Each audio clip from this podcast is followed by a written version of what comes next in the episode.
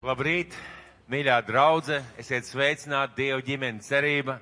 Esiet sveicināti visi ciemiņi, kas šodien ir mūsu vidū. Es gribu jūs apsveikt Kristus augšām celšanās svētkos. Un uh, sveikt es gribētu visus ar tradicionālo, bet patieso, tiešām bezgalīgi patieso, patieso sveicienu. Kristus ir augšām cēlies. Kristus ir augšām cēlies. Kristus ir augšām cēlies.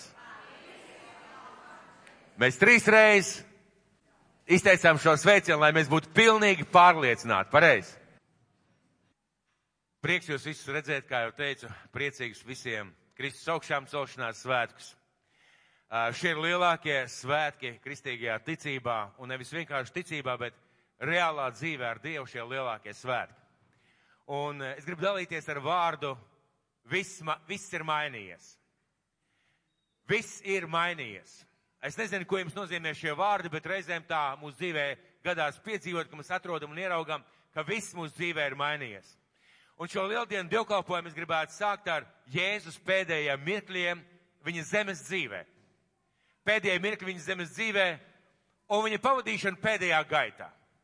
Uh, es domāju, ka daudziem no jums ir pazīstami šādas sajūtas, šādi mirkļi.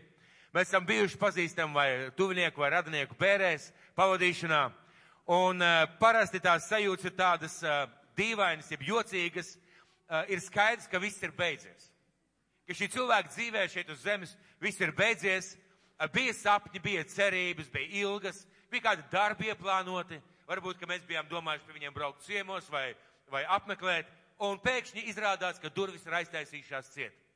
Un nav vairs nekādu iespēju.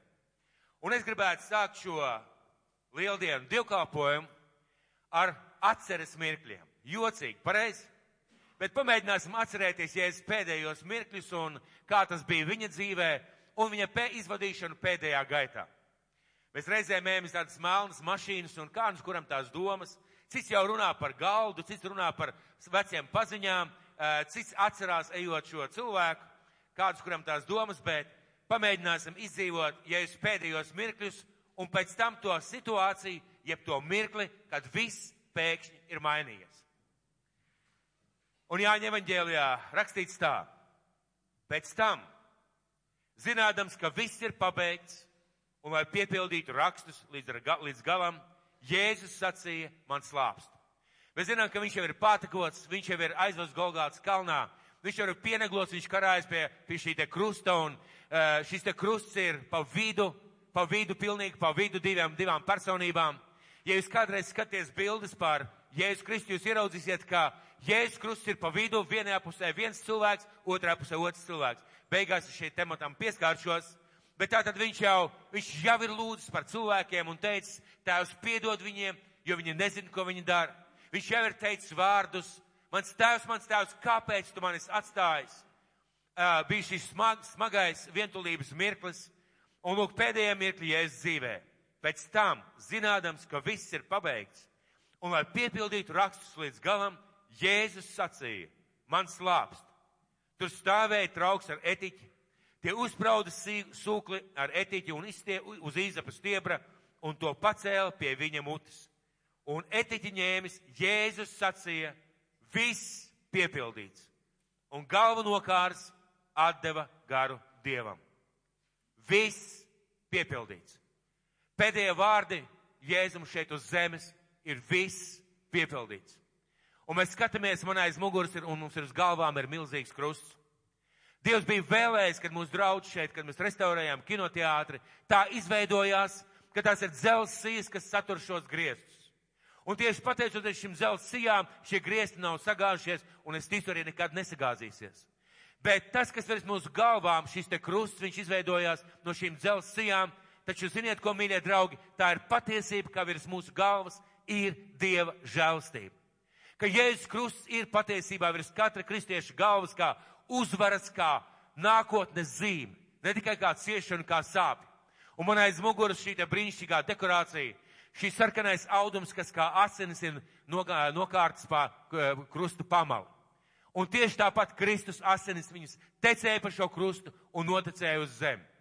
Mēs dziedājam dziesmu, ka Kristus asinīs ir darīts brīvs un dzīvs. Asinīs ir dzīvība. Un kopā ar šīm te asinīm iztecēja Kristus dzīvību toreiz. Tie bija pēdējie mirkļi Jēzus dzīvē. Un tad ir izvadīšana. Mēs zinām, ka neviens mironis šeit uz zemes tādā veidā nepaliek. Viņš tiek izvadīts. Un lūk, Mateja evaņģēlijā rakstīts tā, bet vakarā nāca kāds bagāts cilvēks no Arimatijas vārdā Jāzeps, kas arī bija kļuvis par Jēzus māci. Šis nogāja pie Pilāta un izlūdzās Jēzus miesas. Tad Pilāts pavēlēja tās viņam atdot. Un Jēzus Jāzeps ņēma miesas, ietin tās tīrā audeklā un ielika tās savā jaunajā kapā, ko viņš bija izcirtis klintī, un viņš pievēla lielu akmeni pie kapa durvīm un aizgāja. Un liekas visiem varenajiem darbiem, visām zīmēm, visiem brīnumiem, visiem solījumiem, visām cerībām nav vairs cerības. Viss ir beidzies, Jēzus ir nomiris pie šī Golgāts krusta. Viņš tiek ieguldīts kapā un priekšā pievēj lielu akmeni. Un es ticu, ka šis akmens ir speciāli minēts, ka Dievs speciāli gribēja minēt šo akmeni, lai mēs ieraugam, kā cilvēciski tur nav vairs cerība. Šis akmens svēra apmēram divas tonnas, un viņš tiek pievelts priekšā tā, ka viņu vairs nevar dabūt vaļā. Bet, ziniet, stāstam vēl nav beigas. Tas ir tikai pirmā daļa, ja pirmā laika posma cēliens, kas ielikts Dieva lielajā plānā. Aizvarās it kā priekškars. Mēs daudz ar jums esam bijuši teātrī. Un mēs zinām, ka teātriem ir divi cēlieni. Un kad pirmais cēliens beidzās, aizvāk aizkaru priekšā, cilvēks ceļās kājās, iedzedzās gaisma, un ja mēs nezinātu, ka vēl ir otrs cēliens, un mēs būtu pirmoreiz teātrī, ļoti iespējams mēs paņemtu savu somiņu un iet ārā, jo daudz cilvēku iet ārā uz kafēnīcu, pastaigāties, viss iet ārā un iziet, un nekad vairs varbūt neatgrieztos šajā teātrī. Un līdzīgi ir šajā situācijā, liekas, viss ir beidzies, un priekškars ir aizvēries. Bet izrādās, tas ir tikai pirmais cēliens. Vēlns cilvēki, arī mācekļi, tajā laikā domāja, cauri viss ir galā. Šis skrējiens, šis brīnišķīgais piedzīvojums trīs gadu laikā, kad Pēters staigāja pa ūdens virsmu. Viņam palika noteikti atmiņas no tā mirkļa, ka viņš gāja pa ūdens virsmu. Es nezinu, kā mēs justos, ja mēs būtu varējuši iet pa ūdens virsmu. Viņam palika atmiņas, ka Jēzus piecēlās vētrā un teica, vētra klusu mierā, un vētra apstājās. Viņam palika atmiņas un neticām piedzīvojam kā ļaunie gari. Pēc tam, kad Jēzus bija devis viņam autoritāti, izgāja pēc viņu lūgšanas, jo tad, kad viņi atgriezās, viņi teica, Jēzu, pat ļaunie gari iziet tavā vārdā. Un viss tas paliek. Un liekas, ka viss ir beidzies. Mīļie, bet tas bija tikai pirmais cēliens. Ja tā teiks sagatavošanās, jeb gatavošanās posms tam, lai Jēzus valdītu mūžīgi. Un tad sākās notikumi, kuriem nekad nebūs nobeiguma. Ja šis pirmais cēliens beidzās pēc apmēram trīs gadiem, tad sākās uzreiz pēc tam notikumi, kuriem nekad nebūs nobeiguma. Ne laikā, ne telpā līdz pašam pasaules galam, un arī pēc tam. Un pārcelsimies uz Marka evaņģēliju 16. nodaļu. Un kad sabata diena bija pagājusi, tad Marija Magdalēna un Marija Jēkaba māte un Zolome pirka dārgas svaidāmās zāles lai ietu un Jēzu svaidītu. Un pirmajā nedēļas dienā ļoti agri, saulē lecot, tās gāja uz kapu. Viņas gāja uz kapu. Viņas gāja uz kapu un runāja savā starpā. Kas mums novels akmeni no kapa durvīm? Ja tā simboliski varētu teikt, viņas gāja uz vietu, kur viss beidzās, lai sakoptu šo kapu. Un viņi savā starpā runāja, vai ir kāda iespēja, ka kāds mums novēls šo akmeni. Jeb simboliski, vai ir kāda iespēja, ka kaut kas tomēr nav beidzies. Un paskatīdamās tās redzēja, ka akmens bija novelts, tas bija ļoti liels. Un piegājuši pie kapa, viņas pēkšņi konstatē, ka kaut kas ir mainījies. Akmens ir no, novelts, un kā es teicu, viņš svēra apmēram divas tonnas uz kurien viņas gāja uz kapu, uz vietu, kur viss ir beidzies. Un viņas ierauga, kaut kas radikāli ir mainījies. Un mēs lasīsim Lūkas evaņģēliju 24. nodaļu, sākot ar otro pantu. Lūkas evaņģēlijas 24. nodaļa, sākot ar otro pantu. Un tās atrada akmeni no kapa noveltu. Tas gāja iekšā, un tā kunga jēzus miesas neatrada. Akmens ir novelts, akmens tur vairs nav tajā vietā, miesas viņas neatrod, un viņām ir milzīgs pārsteigums, un vēl kaut kas ir mainījies. Vēl kaut kas ir mainījies, viņas pēkšņi redz, ka ir kāda cilvēka šajā kapā. Tur vajadzēja būt tikai Jēzum. Šim akmenim vajadzēja būt ciet, un neviens nebūtu akmeni nebūtu varējis novelt, būtu vajadzīgi daudz vīri. Šim, šim, šis, šajā akmens, šajā kapā vajadzēja būt Jēzus miesām. Akmens ir novelts, Jēzus tur nav, bet vēl tur kāds ir šajā kapā. Un, kad tās nezināja, ko darīt, redzi, tad pie tām piestājās divi vīri spīdošās drēbēs. Un, kad tās pārbijušās nolaida acis uz zemi, viņi tām sacīja, ko jūs meklējat dzīvo pie miršajiem? Ko jūs meklējat dzīvo šie miršie, pie miršajiem? Viņš nav šeit, bet ir augšām cēlies. Pieminiet, ko viņš jums runājis vēl Galilejā būdams. Sacīdams cilvēka dēlam būs tapt nodotam grēcinieku rokās, tapt krustā sistam un trešā dienā augšām celties. Un tās atcerējās viņa vārdus. Un atpakaļ griežās no kapa, tās to visu pasludināja tiem 11 un visiem citiem. Un tur bija Marija Magdalēna un Joana un Marija, Jēkab māte un citas ar tām, kas apustuļiem to sacīja. Un šie vārdi tiem izlikās kā pasaka, un tie viņām neticēja. Šie vārdi izlikās pa, kā pasaka. Kāpēc šie vārdi viņiem izlikās kā pasaka? Es jau minēju, ka mēs esam bijuši kādreiz pavadot kādu dārgu cilvēku. Mums būtu grūti iedomāties, ka mēs otrā dienā aiziet apkot šo kapu, izrādās kaps ir vaļā, zārks ir vaļā un tā cilvēka tur nav. Mēs domājam, ka kāds ir nozadzis.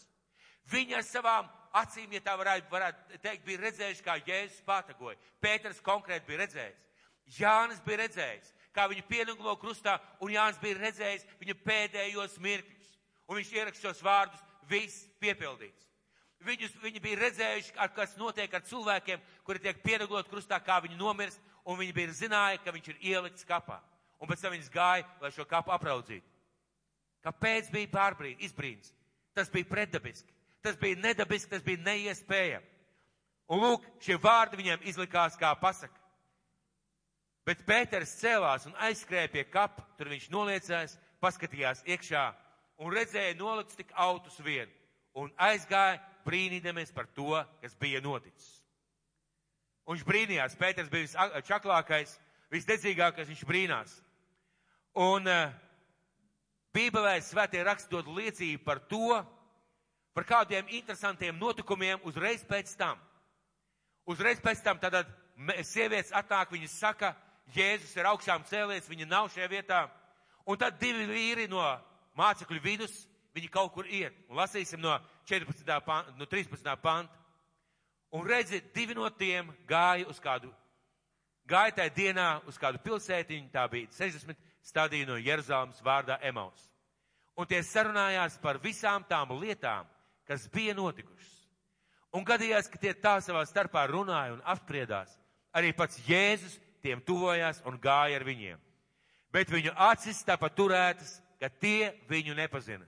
Un viņš tiem sacīja, kāds tās runas, ko jūs runājat savā starpā uz ceļa. Un viņi apstājās bēdu pilnām sirdīm. Kāpēc? Viņu cerības bija beigušās. Viņu idejas, viņu domas par to, ka viņi kādreiz sēdēs jēzus un pie labās kreisās rokas ir beigušās. Viņi bija redzējuši godību, viņi redzējuši brīnums un pēkšņi viss ir beidzies. Tad viens ar vārdu Kleops atbildēja viņam sacīja, vai tu viens esi tāds svešinieks Jeruzalemē, kas nezina, kas šīs dienās tur noticis? Un viņš tiem sacīja, kas tad? Gatavojoties dievkalpojumam, es uh, pēkšņi pamanīju šos divus vārdus. Jēzus saka, kas tad ir noticis? Jēzus nezināja, kas ir noticis, Bet viņš grib, lai viņi paši ar savām lūpām izstāsta, kas tad ir noticis viņu skatījumā. Kā viņi redz. Un Dievs ļoti bieži vēlās, lai mēs viņam pasakam, kā mēs redzam lietas. Lai pēc tam viņš var pateikt, pagaidi, bet man ir savādāks vai skatījums. Un lūk, šie cilvēki, viņi sāk stāstīt. Un tie viņam sacīja, tas ar Jēzu no nācerēts, kas bija pravietis, varens darbos un vārdos, Dieva un visas tautas priekšā. Ka to mūsu augstie priesteri un virsnieki nodevuši pažudināšanai uz nāvi un viņu situši krustā. Bet mēs cerējām. Bet mēs cerējām, ka viņš ir tas, kas Izraēlu atpestīs. Un turklāt šodien ir tikai trešā diena, kopš šīs lietas notikušas. Tad arī kāds no mūsu sievām mūs izbiedēja tās agri bijušas pie kapa. Un viņi mēs neatraduši nāk un saka, ka esot redzējuši eņģeļu parādīšanos, kas saka, viņš esot dzīvs. Ja mēs skatāmies tekstā iepriekš, viņi ir noskumuši. Viņi ir nobēdājušies. Viņi Jēzum skaisti izstāsta, ka Jēzus dzīve ir beigusies, ka tur viss ir cauri, un diemžēl mēs cerējām. Mēs cerējām, ka tas ir viņš. Tad viņš tiem sacīja, ak jūs nesaprašat un sirdī kūtrie. Ka jūs negribat ticēt visu to, ko pravieši sludinājuši. Vai Kristum tā nebija jācieš un jāiet savā godībā? Un iesākdams no mūzes un no visiem praviešiem, viņš tiem izskaidroja visus rakstus, kas par viņu rakstīti. Un tie tojās pilsētņai, kur tie gāja, bet viņš likās ejot tālāk. Un viņi to gauži lūdza un sacīja, paliec pie mums, jo vakars metas un dievi, diena jau pa galam, un viņš iegāja pie tiem palikt. Un notikās, ka viņš ar tiem pie galda sēdēdams ņēma maizi, pateicās, pārlauza un tiem to deva. Tad viņa acis tapa atvērts un tie viņu pazina. Bet viņš no tiem pazuda. Un tie sacīja savā starpā, vai mūsu sirds mūsos nedega, kad viņš ar mums runāja ceļā, mums rakstus izskaidrodams un tai pašā stundā, tūlīt, viņi cēlās, griezās atpakaļ uz Jeruzalem un atrada tos 11 sapulcējušies un tos, kas bija pie tiem. Un tie sacīja, tas kungs patiesi augšām cēlies un sīmanim parādījies. Lūk, no kurienes sveiciens lieldienās. Un viņš tiem šiem stāstīja, kas bija nocies ceļā un kā tas viņu pazīts, maizi laužot.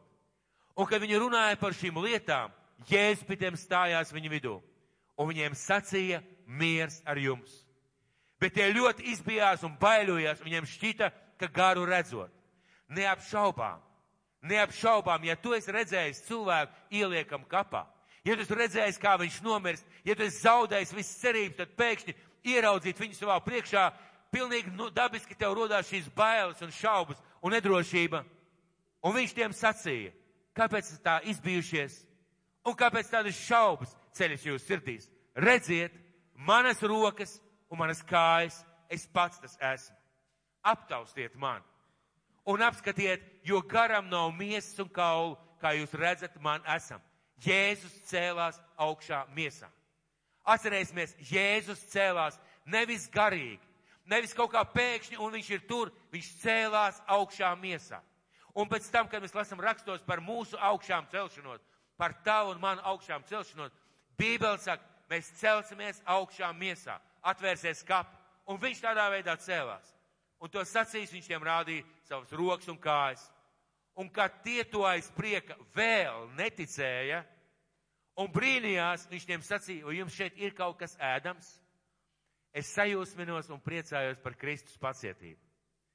Viņam tik daudz vajadzēja pielikt pūles, lai viņiem tomēr būtu kaut kāda skaidrība. Un Kristum nebija grūti parādīties viņiem. Kristum nebija grūti paņemt to medu ēst un maizi. Tas viss pārējais ir skaidrs, bet svarīgi tas, ka Jēzum nebija grūti, lai pierādītu, ka viņš ir augšām cēlies. Un viņš šodien grib to pierādīt tik vienam cilvēkam. Vai viņš jums šeit ir kas ēdams? Un viņi tam pasniedz gabalu ceptas zivs un tīru medu. Un viņš ņēma un ēda to viņiem redzot. Padomāsim par to skatu. Viņš viņiem parādās, rēks, šausmas, nobijušies. Tad viņš saka, paklausieties, es tas esmu, reku rokas, reku kājas, viņiem tā kā drošāk ap sirdi paliek. Un tad viņš saka, vai jums ir kaut kas ēdams? Viņi iedod šo maizīti rēgam, nevis maizīti, bet zīvi un medu. Jēzus ēd. Un iedomājieties skatu. Jā, jā, tiešām, tiešām ēd. Pazuda medus, pazuda, pazuda šīs zivs. Es domāju, ka viņi sekoja katram Jēzus kumosam. Droši vien tas bija visvairāk vērotais ēdiens vai visrūpīgāk vērot, vērotais mīlas pasaules vēsturē. Viņi ļoti rūpīgi skatījās. Un viņš ņēma ēdi to viņiem redzot, un pēc tam viņš tie sacīja.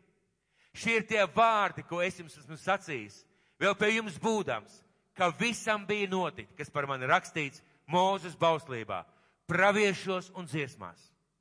Tad viņš tiem saprašanu atdarīja, ka tie rakstus saprat, un tiem sacīja, stā, tā stāv rakstīts, ka Kristum bija ciest un augšām celties no miroņiem trešajā dienā, un ka viņa vārdā būs sludināt atgriešanos un grēku piedošanu visām tautām, iesākot no Jeruzalemes. Un jūs esat liecinieki tam visam, apsolījumam, tam visam. Un redzi, es jums sūtu savu tēva apsolījumu, bet palieciet jūs pilsētā, līdz kamēr tiksit apģērbti ar spēku no augšienes.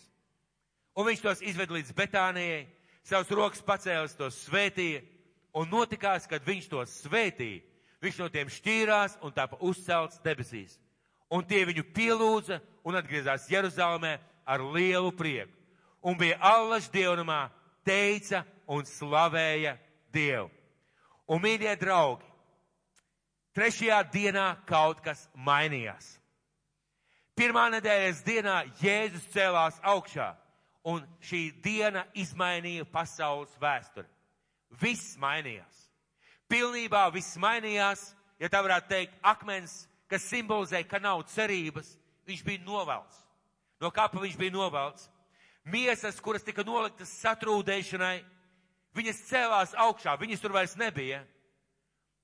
Bija miris, un tagad Jēzus bija dzīves. Un eņģels uzdod interesantu jautājumu. Ko jūs meklējat dzīvo pie mirušajiem? Un man uzreiz parādās jautājums, kur meklēt dzīvo? Un atbilde dzīvo pie dzīvajiem. Ko tas nozīmē? Tas nozīmē, ka vai man jāmeklē Jēzus pie svēto relikvijām? Vai man jāmeklē Jēzus pie svētbildes? Vai man jāmeklē Jēzus caur svecītēm? Pie dzīvajiem tā ir Dieva draudz, Kristus mies. Un, saku, meklējiet Jēzu pie dzīvajiem, meklējiet pie tiem, kas ir dzīvi un kas dzīvo ar viņu. Jēzus bija ierobežots fiziskajā pasaulē. Viņš bija zināmā mērā ierobežots fiziskajā pasaulē. Mēs nelasām, ka viņš būtu pārcēlies vai lidojis. Tagad viņš iziet cauri durvīm un kas mācekļiem ir kā apliecinājums un pārsteigums, pēkšņi viņš ir viņu vidū. Jēzus vienmēr bija vienā vietā, ja tā varētu teikt.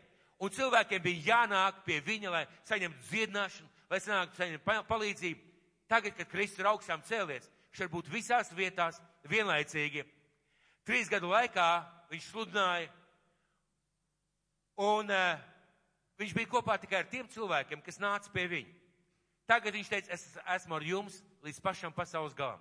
Tas pirmais cēliens ir beidzies. Viņš saka, es esmu jums pie jums līdz pašam pasaules galam. Laiks vairs nav ierobežots. Tad viņa mācība bija spēcīga, vērtīga, interesanta. Bet jautājums bija varbūt vienmēr, varbūt jā, varbūt nē. Kā teica, interesanti, jāpadomā, jāpaklausās. Kāda noticēja, kāda nenoticēja pēc šīs augšām celšanās vairs nepaliek jautājums par viņu mācību. Tas nozīmē, ka viņu mācību Dievs apstiprināja ar pārdabisku zīmi, jēzus augšām celšanos. Brīnum notika tikai tur, kur viņš bija. Tikai tajā vietā, kur viņš bija tagad, jēzus vārdā, brīnum var notikt pa visu pasauli. Grēki tika piedot tikai tiem cilvēkiem, jūs atceraties, viņš pat dzīves būdams, viņš kādiem cilvēkiem teica, ej, tev ir grēki, tev ir piedot. Tagad Kristus asanīs ir nomazgāt visas pasaules grēki no laika sākuma līdz laika beigām. Un ik viens cilvēks var saņemt grēku piedošanu. Tad viņš dziedināja tikai dažus cilvēkus, kaut tie bija simti. Tagad viņa brūcēs, mēs esam dziedināti. Bībele saka, viņa brūcēs, mēs esam dziedināti. Tajā mirklī, kad Kristus nomira pie krusta, tajā mirklī piepildījās kaut kas pārdabisks. Vienā sekundes simtaļā, kad apstājās viņa sirds, mums parādījās iespēja saņemt dziedināšanu, esot jebkurā pasaules vietā mums, mums parādījās iespējas saņemt grēku piedošanu vienalga, ko mēs būtu darījuši. Mums parādījās iespēja tuvoties Dievam bez bailēm un bez šaubām. Un tas notika vienā sekundes simtaļā, kad Jēzus nomira. Tagad mēs esam viņu brūcējis dziedināt. Tad viņš teica, es aizēju pie sava tēva, jums vietu sataisīt. Tagad viņš jau ir pie tēva. Un vieta, es ticu, jau ir sataisīta. Tad viņš sludināja tikai Izrēlā šobrīd Dieva valstība un Dieva evaņģēlijas ir jebkurā pasaules valstī. Ja tā varētu teikt, ļoti daudzās pasaules valstīs, gan arī visās. Jebkurā vietā, tas nozīmē, tu vari aiziet pie upes un Jēzus tur ir. Tu vari strādāt savā darbā vai braukt savā mašīnā, Jēzus ir tur. Tu vari, es nezinu, uzkāpt visaugstākajā kalnā, Kristus ir tur. Un tu vari nonākt vistumšākajā cietumā, un Kristus ir tur. Jo viss mainījās. Tagad viss ir mainījies. Un, lai saņemtu piedošanu, lai saņemtu palīdzību, bija fiziski jāsatiek, jānāk pie Kristus. Tagad visu var dabūt ar lūkšanu. Jēzus Kristus vārdā. Mēs ik viens varam nākt pie Dieva Jēzus Kristus vārdā. Viena lieta palika nemainīga. Viena lieta palika nemainīga arī pēc šīs pirmās nedēļas dienas, pēc Kristus augšām celšanās. Katram ir personīgi jānotic Kristum. Šī vēsts nemainījās. Ja tajā laikā cilvēkiem bija jānāk pie Kristus, jāklausās viņš, jādzird, jāpiedzīvo un jānotic, šodien nekas nav mainījies. Šodien ir jānotic vēstīt par viņa augšām celšanos. Vēstīt par to, ka viņš ir dzīvs, ka viņš ir debesīs augšā, ka viņš darbojas uz šīs zemes. Un kas man ļoti patīk mūsu Dievā, viņš nav tas tētiņš, kas sēž tur debesīs uz mākoņa maliņas un gaida pastaroties. Viņš reāli darbojās caur cilvēkiem. Kad eņģelis teica, meklējiet dzīvo pie dzīvajiem, viņš darbojās dzīvu cilvēku dzīvēs, to cilvēku dzīvēs, kas tic, ka Jēzus Kristus ir kungs. Viņš reāli darbojās. Tas nozīmē, ka, lai viņu piedzīvot, lai viņu satiktu, ir personīgi jānotic tam, ka viņš ir Dievs un ka viņš ir dzīvs. Otrā lieta ir jānāk pie Kristus. Ir lieliski noticēt, ka ir Svetbanka. Ir lieliski noticēt, ka ir Svetbanka. Ziniet, kurā mirklī jūs kļūstat par Svetbankas klientu? Kā jūs domājat? Kad jūs noticat, ka viņai ir vērts atdot savu naudu. Kad jūs ieiet iekšā, parakstat papīrus, izņemat naudiņu un samaksājat pareizi vai pārskaitat. Tajā mirklī jūs reāli esat noticējuši, ka ir tāda Svetbanka. Pirms tam jūs varat staigāt apkārtēji mājai. Es nezinu, Unibankai ir liela māja, es nezinu, vai Svetbankai ir liela māja, droši vien staigāt apkārtēji, hmm, interesanti, Svetbanka, jā, daudz liek naudiņu, bet es nelieku. Es neticu Svetbankai tādā gadījumā. Mums ir jānāk pie Kristus un jāpiedzīvo personīgi viņš. Un nākošā lieta ir jādod viņam savu dzīvi un savu sirds, kas ir ļoti interesanti. Tu nevari stāvēt pa gabalu un teikt, Jēzus ir mans kungs. Var lietot vārdus, Jēzus ir mans kungs. Bet, kad mēs lasām Bībeli, tos pašus svētos rakstus, mēs redzam, ka Jēzus neaicināja mūs vienkārši stāvēt pēc tam pa gabalu ar ziņu vai skaidrību. Jēzus ir augšām cēlies. Jēzus aicina konkrēti cilvēku, kad viņš ir noticējis, atdot viņam savu sirdi un atdot viņam savu dzīvi. Mēs dziedājam šo dziesmu par to, ka Jēzus nāvi ir uzvarējis ļaunumu. Mīļie, Jēzus nāvi ir uzvarējis visas lietas arī mūsu dzīvē. Mums ir vienkārši jāpiedzīvo tas un jādod viņam savu dzīvi. Ko tas nozīmē tev, mīļais kristiet? Ko tas nozīmē tev, kas tu jau esi noticējis Kristum, esi atdevis viņam savu dzīvi un saka, es viņam ticu un es viņam kalpoju? Tu esi aicināts dzīvot uzvarošu Kristus dzīvi. Tu esi aicināts dzīvot uzvarošu Kristus dzīvi. Un viņa ir mūsu vidū, viņa ir šeit. Tev vienkārši ir jānotic un jāsāk rīkoties, jāsāk pieņemt to autoritāti, ko Dievs tev ir devis, un nest viņa valstību šajā pasaulē. Es gribētu atgriezties pie 11. panta. Jūs varat apskatīties 11. pants, un šie vārtiem izlikās kā pasaka, un tie viņām neticēja. Tie viņam izlikās kā pasaka. Kāpēc?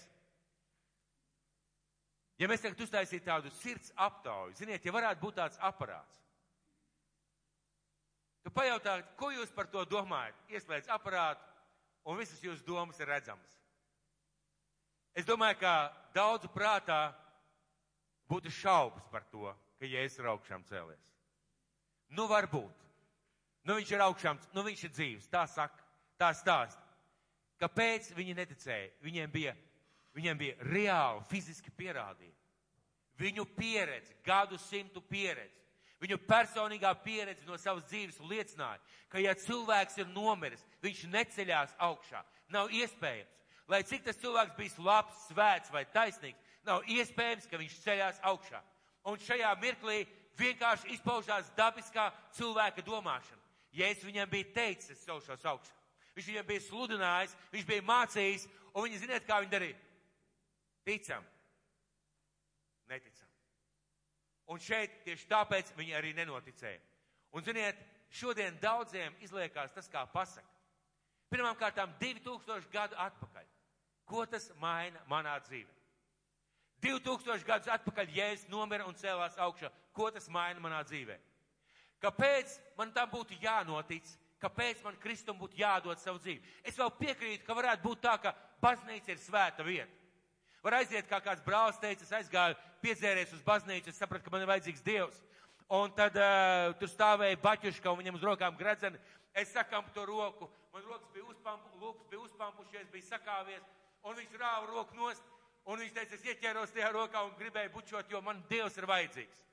Un mēs vēl bieži esam gatavi noticēt, ka Dievs ir svēts, ka Dievs ir kaut kur debesīs, ka Dievs ir kaut kur tajā skaistajā, brīnišķīgajā debesu valstībā, bet cik grūti mums notic, ka Jēzus ir reāls, ka viņš ir reāls, ka viņš ir patiesa, ka viņš aicina dzīvot ar sevi. Es gribētu minēt kādu piemēru. Jūs zināt, 1863. gadā Amerikā valdīja, joprojām bija verdzība. Un uh, cīnīja līdz 863. gadam. Joprojām bija verdzība un eh, cilvēki, eh, baznīcas, eh, dažādas organizācijas cīnījās par to, lai atceltu Amerikā verdzību. Un prezidents 63. gadā parakstīja, parakstīja dekrētu, ar kuru likumīgā kārtā Amerikas Savienoto valstu teritorijā visi cilvēki tika atbrīvoti no verdzības. Un visi tika atzīti par Amerikas Savienoto valstu pilsoņiem ar pilnām tiesībām. Un vēl daudzus gadus pēc tam cilvēki Dienvidu štatos dzīvoja verdzībā. Kāpēc? Viņi nezināja. Viņi nespēja noticēt, ka viņi ir brīvi. Viņi nespēja aiziet pie saimnieka, pateikt, zini, ko saimnieki, līdz šim es tev kalpoju, tagad esmu brīvs pilsonis, tev nav tiesība man aizturēt. Un daudz cilvēku varbūt pat tajos gados aizgāja mūžībā, tā brīvība nekad arī neredzējuši. Kāpēc es par to runāju? Mīļie draugi, ja mēs pa īstam nenoticam, ka viņš ir dzīvs un ka viņš ir augšām cēlies. Mēs dzīvojam šajā sajūtā, varbūt, es nezinu vai, un līdz ar to arī mūsu dzīve tādā veidā izpaužās. Tāpēc, mīļie draugi, tāpēc, mīļie draugi, mums ir jānotic, jānotic, ka viņš cēlies, ka viņš dzīvs. Un pasakiet man tagad tā, tāds izaicinošs jautājums. Kā mēs gribētu, tie, kas šaubās, vai tie, kas neīsti pa īstam tic, vai kas tomēr tic, Kā jūs gribētu?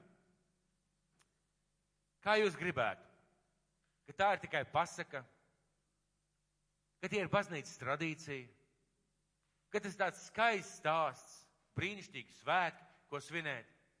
Var paripināt olas, par zaķiem var padziedāt, var atnākt pēc tam paralēli uz baznīcu, noklausīties skaistus prediķi, brīnišķīgas dziesmas, skaista, brīnišķīga pasaka, kā Ziemassvētkos bet nav augšām celšanās, nav grēku piedošanas, nav dieva žēlastības tavā dzīvē, tev nākotnē nav cerības, tev nebūs dziedināšana, ja tev būs vajadzīga, tev neviens nepalīdzēs, ja gadījumā tev būs problēmas, tev nav pie kā griezties savās bēdās, un tu viens pats aiziesi tumsā un vientulībā. Vai atkal otrādi? Vai atkal otrādi? Jautājums ir, vai noticēt tam, ka viņš tiešām cēlās augšā un ka ikvienam cilvēkam ir grēku piedošana. Ka ikvienam cilvēkam ir iespēja savās sāpēs un ciešanās nākt pie Dieva un teikt, Dievs palīdz man, un Dievs atnāks un palīdzēs. Ka ikvienam cilvēkam ir iespēja saņemt grēku piedošanu, ļoti daudz cilvēki nevar sev piedot. Mēs satiekamies kristīgās baznīcās, arī baznīcās un pasaulē ar cilvēkiem, kas nevar sev piedot un cilvēkam ir piedošana. Vai gribētos labāk tā, ka nav nekā tālāk, vai taisni otrādi? zināt, ka tad, kad šitas viss beigsies, kad beigsies tava laicīgā dzīve, lai cik viņa nebūtu skaista, vēl kaut kas labāks ir priekšā. Man liekas, ka kristiešiem pieder šis teiciens - viss labākais ir priekšā. Es domāju, ka tas ir brīnišķīgs teiciens. Uh, ja jūs, ja jūs gribat varbūt zināt tādu lietu kā pozitīvā domāšana, daudz ir dzirdējuši. Bet ziniet, kur, kur radās pozitīvā domāšana? Kāds kristietis uzrakstīja savā laikā, kaut kādos gados, gadus desmitus atpakaļ, par to, kā skatīties uz dzīvi. Pamatojoties uz to, ka Kristus ir augšām cēlies un ka pastāv viņā cerība un atbildi visiem jautājumiem. No turienes radās pozitīvā domāšana. Kā mēs gribētu? Padomāsim labi. Kur meklēt Kristu? Eņģēlis teica, me, nemeklējiet, mi, e, dzīvo pie mirušajiem. Meklēt Kristu pie dzīviem cilvēkiem. Jēzus vienmēr ir pie dzīviem cilvēkiem. Viņš nav svētbildēs, viņš nav pie mirušiem pīšļiem, viņš nav pie svecītēm, viņš nav pie tradīcijām, pie reliģijas. Meklējiet dzīvu Dievu pie dzīviem cilvēkiem. Un mēs varam viņu satikt. Mēs varam viņu satikt, mēs varam ar viņu sarunāties. Mēs varam viņu lūgt, mēs varam viņu piedzīvot, mēs varam saņemt no viņa palīdzību, mēs varam dzirdēt, mēs varam kalpot viņam. Un ir trīs veidi, kā pieminēt lieldienas. Ir trīs veidi, kā atcerēties lieldienas.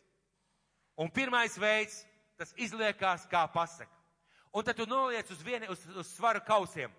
Pasaka par zaķi, kurš dēja olas un piedāvā interesantas atrakcijas. Un pasaka par Kristu. Un tad tu izvēlies. Man liekas, tā pasaka par tiem zaķiem ir labāka. Jo tur tomēr garšīgāk. Varbūt kāda šok, ola no šokolādes ir. Un bērniem patīkami. Un ģimenei jauks sadraudzības laiks.